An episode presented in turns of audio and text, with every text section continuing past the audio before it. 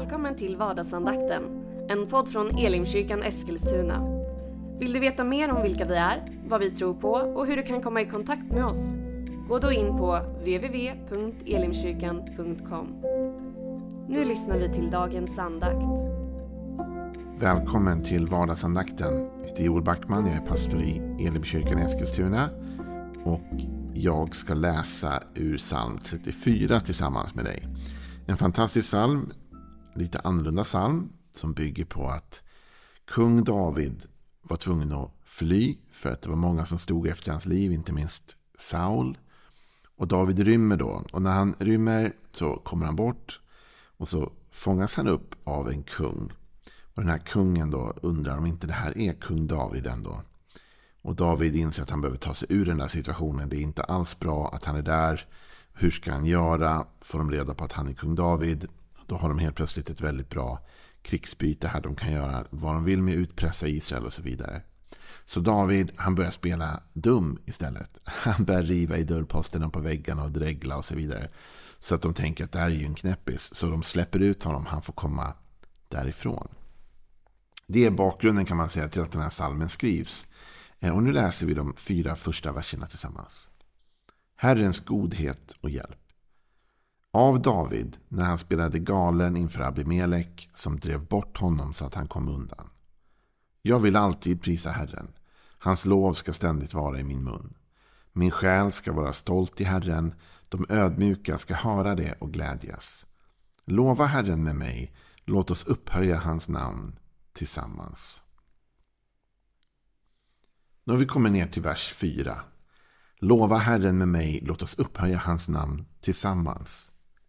Hela den här salmen är ju från början skriven som en lovprisning, ett tack för Herrens hjälp och godhet. För att Gud gav David den här idén att spela galen så han kunde ta sig ut ur den här trånga, svåra situationen som han befann sig i. Och vers 2 är ju snarlik vers 4. Vers 2 säger jag vill alltid prisa Herren. Hans lov ska ständigt vara i min mun. Men vers 4 är lite annorlunda. Den säger lova Herren med mig. Låt oss upphöja hans namn tillsammans. När vi kommer ner i vers 4 så har vi ändrat fokus lite grann från Davids egna lovprisning till allas vår lovprisning. Han säger det här är något vi alla borde tacka Gud för. Lova Herren tillsammans med mig. Och vi kan väl tillsammans upphöja hans namn. Nu var det ju så att det här som hände gynnade inte bara David. Det hade kunnat bli väldigt svåra konsekvenser för hela Israel tror jag. Om Abimelek hade fattat vem han hade där. Men David han tar sig ur detta och på ett sätt kan ju då hela folket vara glatt och lyckligt. Men det finns en, en djupare tanke här också. Som handlar om att den kristna tron är inte individualistisk. Det är individuellt i meningen att jag måste själv välja att följa Jesus och lätt sätta min tillit till honom och jag måste ta emot den nåd han ger mig.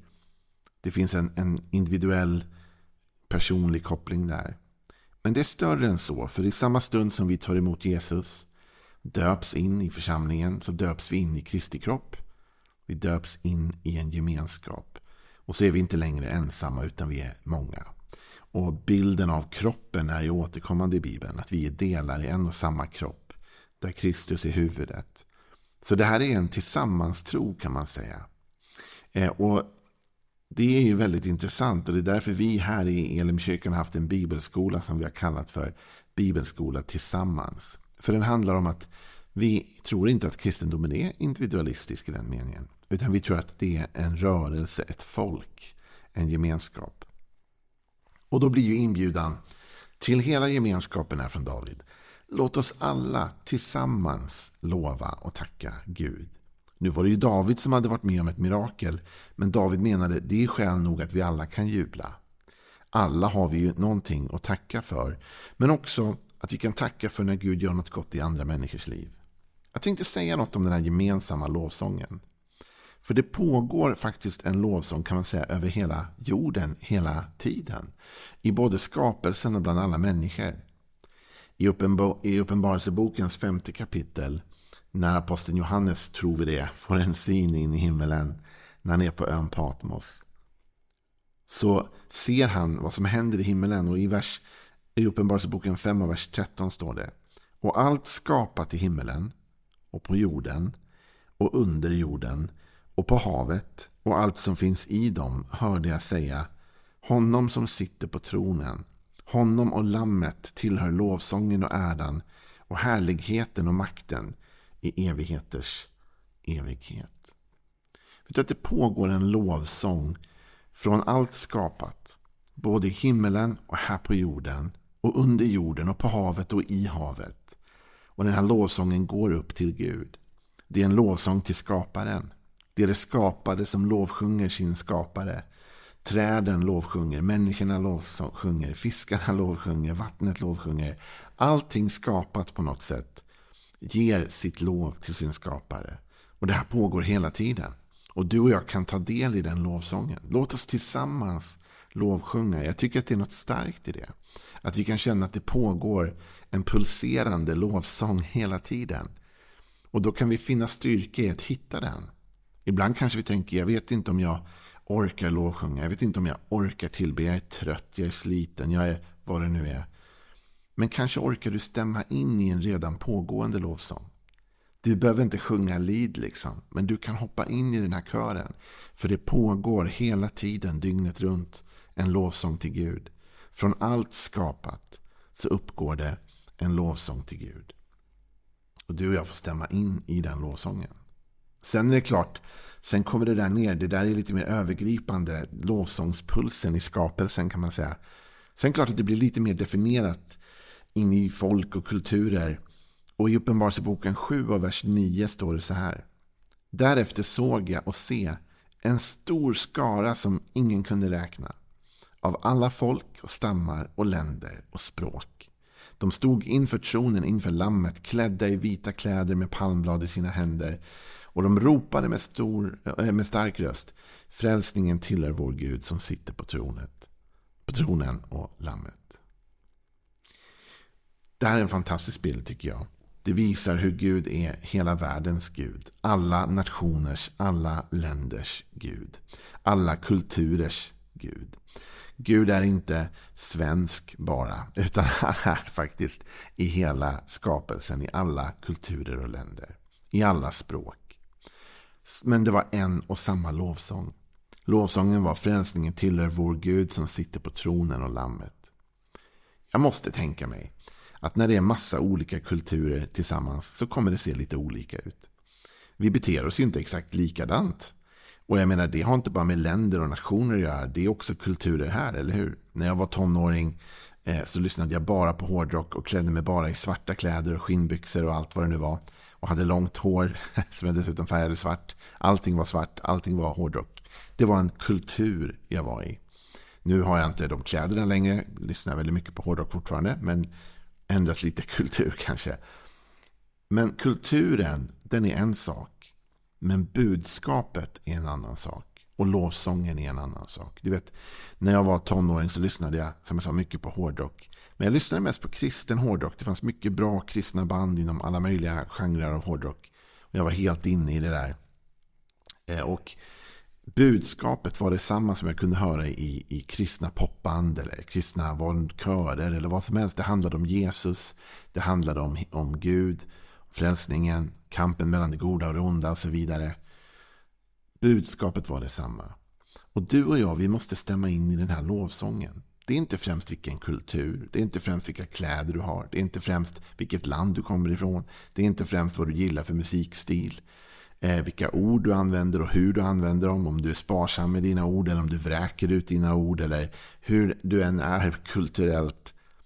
Utan det handlar om det här budskapet. Frälsningen tillhör vår Gud som sitter på tronen och lammet. Det var den lovsången David stämde in i. Han upplevde att Gud hade räddat honom ur en oerhört svår situation. Och hans lovsång blev till Gud. Räddningen tillhör Gud, han som sitter på tronen. Och det är samma lovsång som du och jag stämmer in i idag. Fast vi kanske lever i en helt annan kultur än vad David levde i. Och vi har helt andra livsförutsättningar än vad David hade. Och ändå så är det samma lovsång som går upp genom alla tider. Att räddningen tillhör Gud. Han som sitter på tronen och lammet. Och den här lovsången får du och jag stämma in i. Det är något oerhört starkt egentligen. Den lovsång som pulserar i hela skapelsen hela tiden. Och som finns i alla kulturer och bland alla språk. Frälsningen tillhör vår Gud. Sen är det klart att det går ner på personnivå också. David vill ju att de ska tacka Gud tillsammans med honom för det Gud har gjort i Davids situation. Precis just där han var, i denna utsatta läge där Gud kliver in och räddar honom, kan vi inte tacka Gud tillsammans för detta. I vår kyrka här så har vi fortfarande så på söndagarna ofta att när, när sändningen är slut, vi sänder ut digitalt, men, men vi klipper sändningen efter predikan. Och efter det när vi är förbönstund och så vidare, då brukar vi släppa fram om någon också har något att dela. Och ibland kan folk dela, be för det här, hjälp mig med det här. Ibland är det någon som går fram och säger Gud hjälpte mig med det här. Och så tackar vi Gud tillsammans för det Gud har gjort i en människas liv. Det där har att göra med att vi hänger ihop som en kropp. Att vi är en gemenskap. Paulus han säger så här i första Korinthierbrevet 12 och eh, i vers 26. Om en kroppsdel lider så lider alla de andra delarna med den. Och om en kroppsdel blir ärad då gläder sig alla de andra delarna med den. En fantastisk beskrivning av hur den kristna gemenskapen fungerar. Eller borde fungera i alla fall. Att om någon har det jobbigt, ja men då lider vi alla med dig. Och då ber vi tillsammans. Då lägger vi händerna på varandra, vi smörjer varandra med olja. Vi lyfter upp varandra inför Herren. Men likadant om något bra har hänt. Då lovsjunger vi Gud tillsammans och tackar för det Gud har gjort i ditt liv, för det goda som du får vara med om. Och det är det David säger här. Låt oss tacka Gud tillsammans.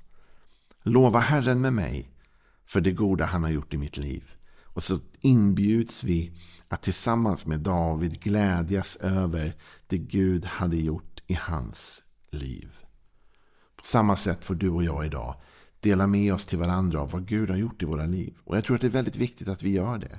Jag tror att för att lovsången ska vara stark och klar så behöver det finnas ett tydligt vittnesbörd. Det behöver finnas någon som säger det här är vad Gud gjorde i mitt liv. Och jag är så tacksam för det. Vill du tacka Herren med mig för det goda han gjorde för mig? Väldigt viktigt att vi vågar ha en sån inställning och vågar dela med varandra vad Gud har gjort. Och att när någon delar med oss andra vad Gud har gjort så gläds vi tillsammans med den personen. Sista bibelordet jag vill dela med dig idag är från Romarbrevet 12 eh, och vers 15. Där Paulus uppmuntrar oss med en väldigt eh, på ett sätt enkel men samtidigt svår kanske uppmaning. Gläd er med dem som är glada och gråt med dem som gråter. Här är vi återigen sammankopplade.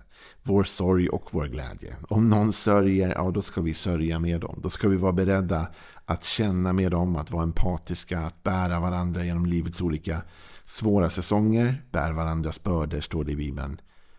Men det står också att vi ska glädja oss med dem som är glada. Och det är det jag tror David inbjuder oss till. Sjung lovsång tillsammans med mig. Just nu är jag glad, säger David, därför Gud räddade mig. Vill ni inte sjunga lovsång med mig? Vill ni inte tacka honom tillsammans med mig? Tillsammans ära honom för hans godhet. Vi läser igen vad David skrev i psalm 34. Lova Herren med mig. Låt oss upphöja hans namn tillsammans. Det är den uppmaning jag vill ge dig idag. Se till att dela med dig av det goda Gud har gjort i ditt liv och be människor att tacka Gud tillsammans med dig. Och om du hör att Gud har gjort något i någon annans liv. Han har gjort ett mirakel för någon, svarat på någons bön, vad det nu kan vara. Se då till att dela den glädjen. Tacka Gud tillsammans med den personen. Stäm in i denna eviga lovsång som sjungs ut från skapelsen upp till Herren. Han som sitter på tronen, han som är den som har räddat oss och fortsätter att hela tiden rädda oss när vi ropar ut till honom. Ha en välsignad dag. Imorgon är vardagsandakten tillbaka igen. Hej då.